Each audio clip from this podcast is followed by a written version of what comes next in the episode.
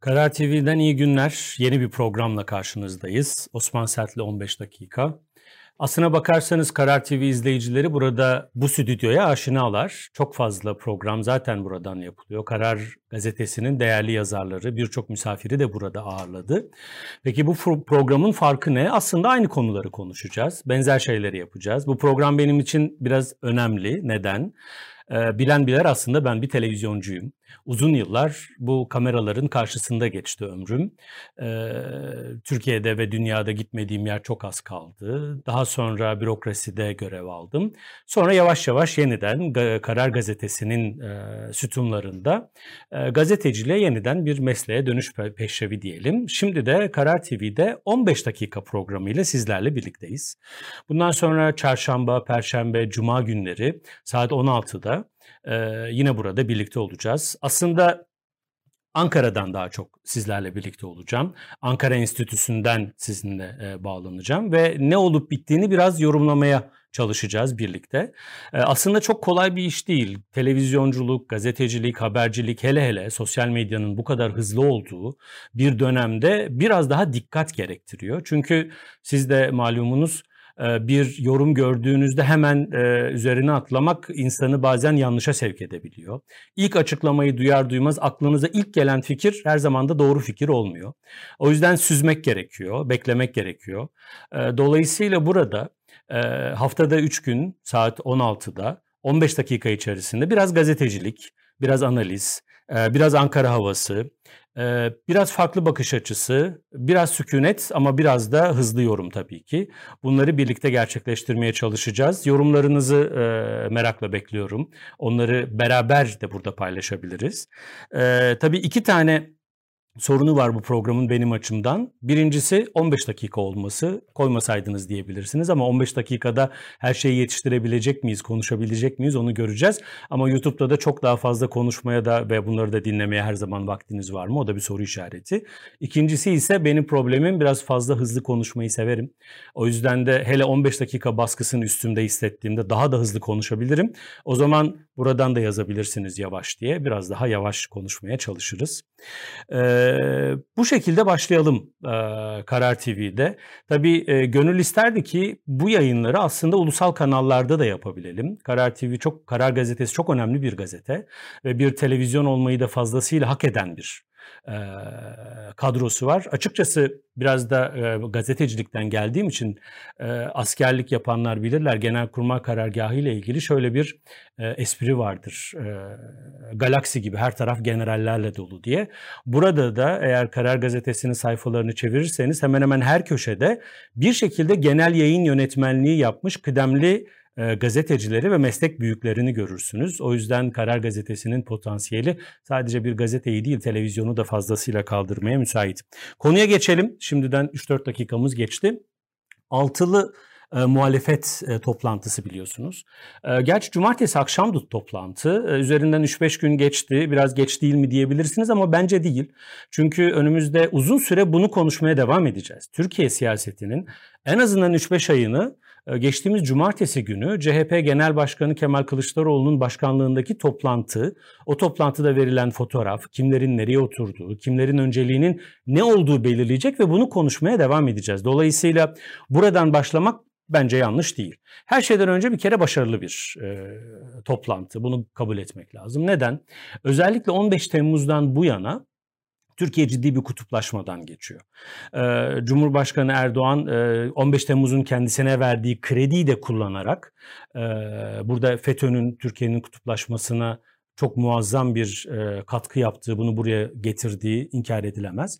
Fakat Erdoğan bu krediyi aldı ve kutuplaşma siyaseti, beka siyaseti üzerinden kendi iktidarını tahkim etmeye kullandı. Bu uzun süre işe de yaradı. Ama artık bu beka siyaseti çözülüyor. Bu kutuplaşmanın çözüldüğünün en somut e, işareti işte bu altı liderin fotoğrafı. Eğer kutuplaşma hala işe yarıyor olsaydı bu altı lider en fazla 2-3 kişi olurdu. Belki kimilerine göre daha da fazla olması gerekirdi. Bunu da yine konuşuruz. Ama bu kutuplaşma sürecinin, beka, beka siyasetinin artık çok çalışmadığının en temel göstergelerinden bir tanesi. Peki işe yarayacak mı bu toplantı? Nereye evrilecek? Bunu göreceğiz ama önce bir kredi verelim. Her yeni gelen iktidara bile bir 100 gün tanınır. e, muhalefet partilerinin bu ilk buluşmasına da biraz zaman vermek lazım. Bunu kabul edelim. En önemli konuşmalı konulardan birisi biliyorsunuz Millet İttifakı'nın ismi değişecek mi, genişleyecek miydi? Ben açıkçası isim konusunun biraz fazla büyütüldüğü düşüncesindeyim. Özellikle de eğer ittifak ismi değişirse e, topluma mal olduğu Millet İttifakı yeni ismi insanlar benimsemez, bu vakit alır. Bunun siyasal iletişim açısından çok bir karşılığı olduğunu düşünmüyorum. Çünkü düşünün 6 siyasi parti genel başkanı yan yana geldi ve dedi ki biz e, yeni bir ittifak yapısındayız. 2 değil 3, 4, 5, 6 kaç kişi ittifaka girecek bunu da şu anda bilmiyoruz. Ve ittifakın ismini de şu şekilde koyduk en fazla haftalar alır bu yeni ittifak isminin topluma yansıması.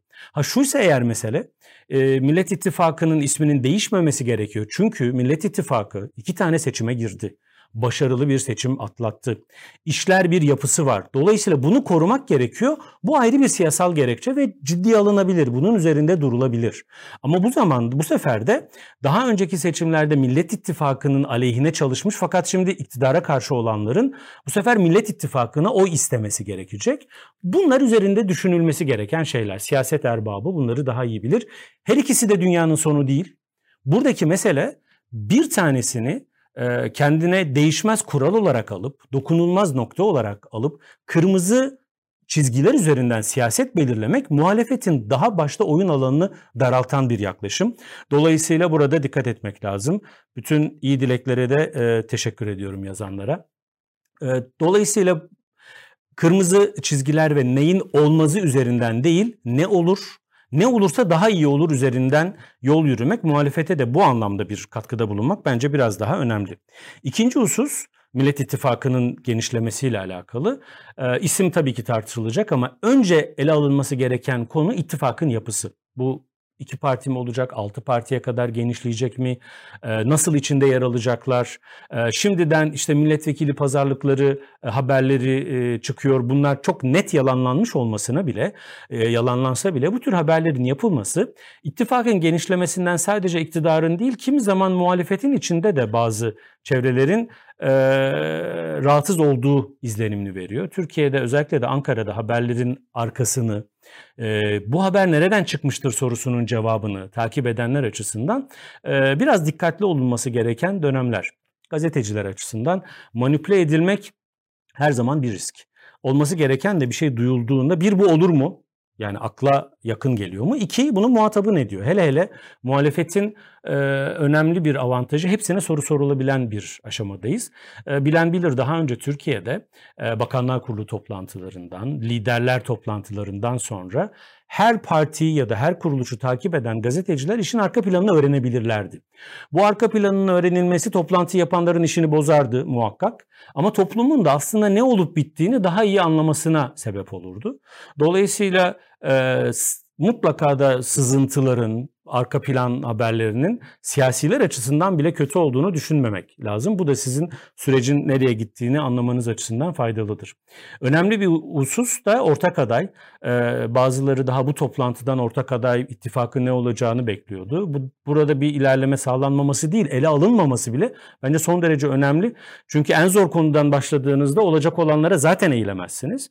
Dolayısıyla bunun vakit almasını da ben son derece makul görüyorum. Kaldı ki muhalefetin öncelikle e, programını ortaya koyması, Türkiye için hayallerini, vaatlerini ortaya koyması ve bunun bir de ortak olduğunu ortaya koyması adaydan daha öncelikli. Eğer bu çerçeve çizilirse aday, ortak cumhurbaşkanı adayı zaten muhalefetin 6 partinin ya da daha azı ne olacağını önümüzdeki günlerde göreceğiz. Desteğini alan bir planın üzerine aday olacağını görürse bu isim zaten buna uymak zorunda kalacak. Eğer siz daha yol yürüyeceğiniz haritayı belirlemediyseniz, önümüzdeki sürece dair genel bir kanaatiniz yoksa, ana Türkiye'nin yarılma ve çözüm bekleyen sorunlarında ne diyeceğinizi bilmiyorsanız hele hele e, birçok kişinin de bugün artık e, müşteki olduğu, şikayet ettiği Cumhurbaşkanlığı hükümet sisteminde seçilecek olan kişini kişiye gel her şeyi sen belirle demiş olursun. Dolayısıyla ortak adaydan önce bunun konuşulması da ayrıca anlamlı. Ben bunu da çok e, mantıklı buluyorum. Fakat sonrasında bir tabii ki ortak aday üzerinde gidilecek. Ortak aday konuşması uzun. Önümüzdeki günlerde bunu ayrı programlarda çok daha fazla ele alırız. Daha sonra da bunun eğer ki iktidar olursa nasıl uygulanacağı, dolayısıyla at mı arabanın önünde, araba mı atın önünde buna iyi karar vermek lazım. Bazı şeylerde acele etmek olacağı olmaz hale de getirebilir. Ama e, hani çok kullanılan bir tabir vardır Allah'ın bildiğini kuldan saklamayayım diye toplumun beklentisi belli. Ortak aday kim olacak? Cumhurbaşkanı adayı muhalefetten istediği oyu alabilecek mi? Cumhurbaşkanı Erdoğan'ın karşısında başarılı olacak mı? Ee, Millet İttifakı genişleyecek mi? Bu soruların cevabını da insanlar merak ediyorlar. Zannedersem liderlerin de bu konuda kafalarında bir şey var. Ama şu da bir risk. Eğer dört defa toplanır ve bir sonuç çıkmazsa insanlar yavaş yavaş e hadi ama artık demeye başlarlar. Dolayısıyla ilk toplantıya kredi verilir. Ee, ikinci toplantı zaten muhtemelen 28 Şubat'ta. Ben olsam 28 Şubat'ta olmasa daha iyiydi ama anladığım kadarıyla çok da büyük anlam yüklememiş e, liderler 28 Şubat tarihine. Biraz lojistik, biraz diğer grup toplantılarının tarihleri derken pazartesi 28 Şubat gibi bir tarih üzerinde mutabık kalınmış. Olmasa iyiydi ama 28 Şubat'ta ne dendiğine belki odaklanılması gerekecek. Bu tartışılacak. Güçlendirilmiş parlamenter sistem en kolay anlaşılacak konulardan biriydi. Dolayısıyla oradan başlamış olmak da bence e, gayet e, muhalefet açısından yerinde bir şey. Fakat bu e, ikinci, üçüncü, hele hele dördüncü toplantıda hala bir sonuç çıkmazsa bunu e, insanlar sorgulamaya başlar. Cumhurbaşkanı Erdoğan bugün Birleşik Arap Emirlikleri'nden gelirken yaptığı açıklamalar biliyorsunuz yansıdı. E, merakla okuduk. E, Cumhurbaşkanı Erdoğan'ın açıklamaları hele hele uçaktaki açıklamaları artık benim için çok birçok açıdan önemli. Bazen sorular cevaplardan daha da önemli. O yüzden bazı internet sitelerinde soruyu soran gazetecinin ismiyle birlikte yayınlanıyor metinler ve ben bunları daha çok tercih ediyorum. Hele bir de gazetecilikten de gelince kim ne sormuş, hangi grup ne demeye çalışmış orada. Ve Türkiye'de gazeteciliğin geldiği yer ya da gelemediği yer konuştuğumuzda onlar da benim için biraz daha anlam ifade ediyor. Uzatmayalım siyasi partilerle ilgili e, Cumhurbaşkanı'na e, soruluyor. Siz yani yeni bu işte altı lider bir araya geldi Cumhur İttifakı'na katılabilir mi diye soruluyor. Diyor ki haşa öyle bir şey olur mu? Böyle bir şeye benim kendi tabanım da müsaade etmez diyor. İlaveten diyor ki biz de Cumhur İttifakı olarak AK Parti, Milliyetçi Hareket Partisi ve Büyük Birlik Partisi olarak emin adımlarla kararlı şekilde yolumuza devam ediyoruz. Devam edeceğiz. Ee, sadece Cumhur İttifakı demiyor. Üç partinin ismini sayıyor ki Büyük Birlik Partisi'nin ismini her zaman da saymaz Cumhurbaşkanı.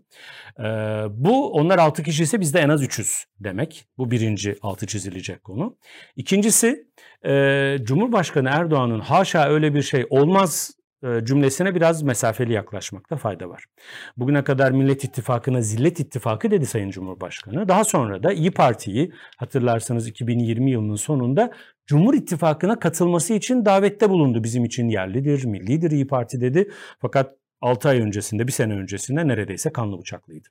Dolayısıyla siyaseten bu tür açıklamaların kapıyı kapattığına inanmak için e, biraz aceleci olmak gerek.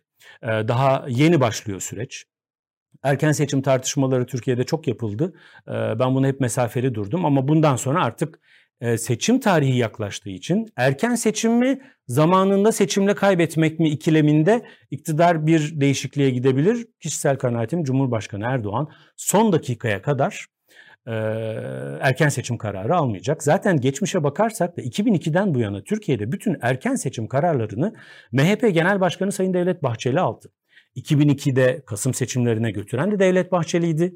7 Haziran 2015'te AK Parti'nin çoğunluğu kaybettiğinde seçime Türkiye'nin mecbur kalmasının temel sebeplerinden biri MHP'nin AK Parti ile ittifak kurmayacağını açıklamış olmasıydı. Bu yüzden e, erken seçim mecbur oldu. AK Parti içinde çok iyi biliyorum. Yani 100 kişi varsa 90 kişi erken seçime gidelim, 9 kişi MHP ile koalisyon kuralım. Bir kişi de CHP diyordu. Hangisi doğruydu ayrı bir mesele. Türkiye bugün buraya geldi. Ama eğer MHP koalisyon kararı alsaydı o gün Türkiye erken seçime gitmezdi. Son 2008, 2018 seçim kararını da Sayın Bahçeli aldı. Hatta Cumhurbaşkanı Erdoğan'ın o kararın açıklanmasından sonra grup toplantısına ne kadar soğuk bir yüzle bir sürprize yakalandığını hissettirdiğini de e, gayet iyi hatırlıyoruz. Biraz tarihi Cumhurbaşkanı Erdoğan belirlemişti. 15 dakikayı neredeyse dolduruyoruz. Birleşik Arap Emirlikleri'nden geldi Sayın Cumhurbaşkanı. E, telefonum beni 15 dakikanın dolduğu konusunda net bir şekilde uyarıyor. E, şöyle bitirelim. Birleşik Arap Emirlikleri'nde biraz önce Reşit Paşa yokuşunda da sevgili Akif Beki ve Yıldıray Oğur detaylı bir şekilde tartıştı. Normalleşme iyidir. Türkiye'nin ilişkilerini düzeltmesi iyidir. Bu Cumhurbaşkanı Erdoğan'ın da elini rahatlatır. Ola ki bir iktidar değişikliği olursa gelecek olanların da elini rahatlatır. Mesele bu normalleşmenin hangi önceliklerle, hangi gerekçelerle ve gelecekte ne tür beklentilerle yapıldığı bunu da önümüzdeki günlerde konuşacağız. Aşağıda bir yukarıya doğru bir parmak işareti var. Beğenebilirsiniz, abone olabilirsiniz, paylaşabilirsiniz. Çarşamba, Perşembe, Cuma akşamları saat 16'da Karar TV'de 15 dakikada sizlerle gündemi konuşmaya başlayacağız. En azından birinci gün 15 dakika sözümü tuttum. Yarın tekrar görüşmek üzere. Kendinize iyi bakın.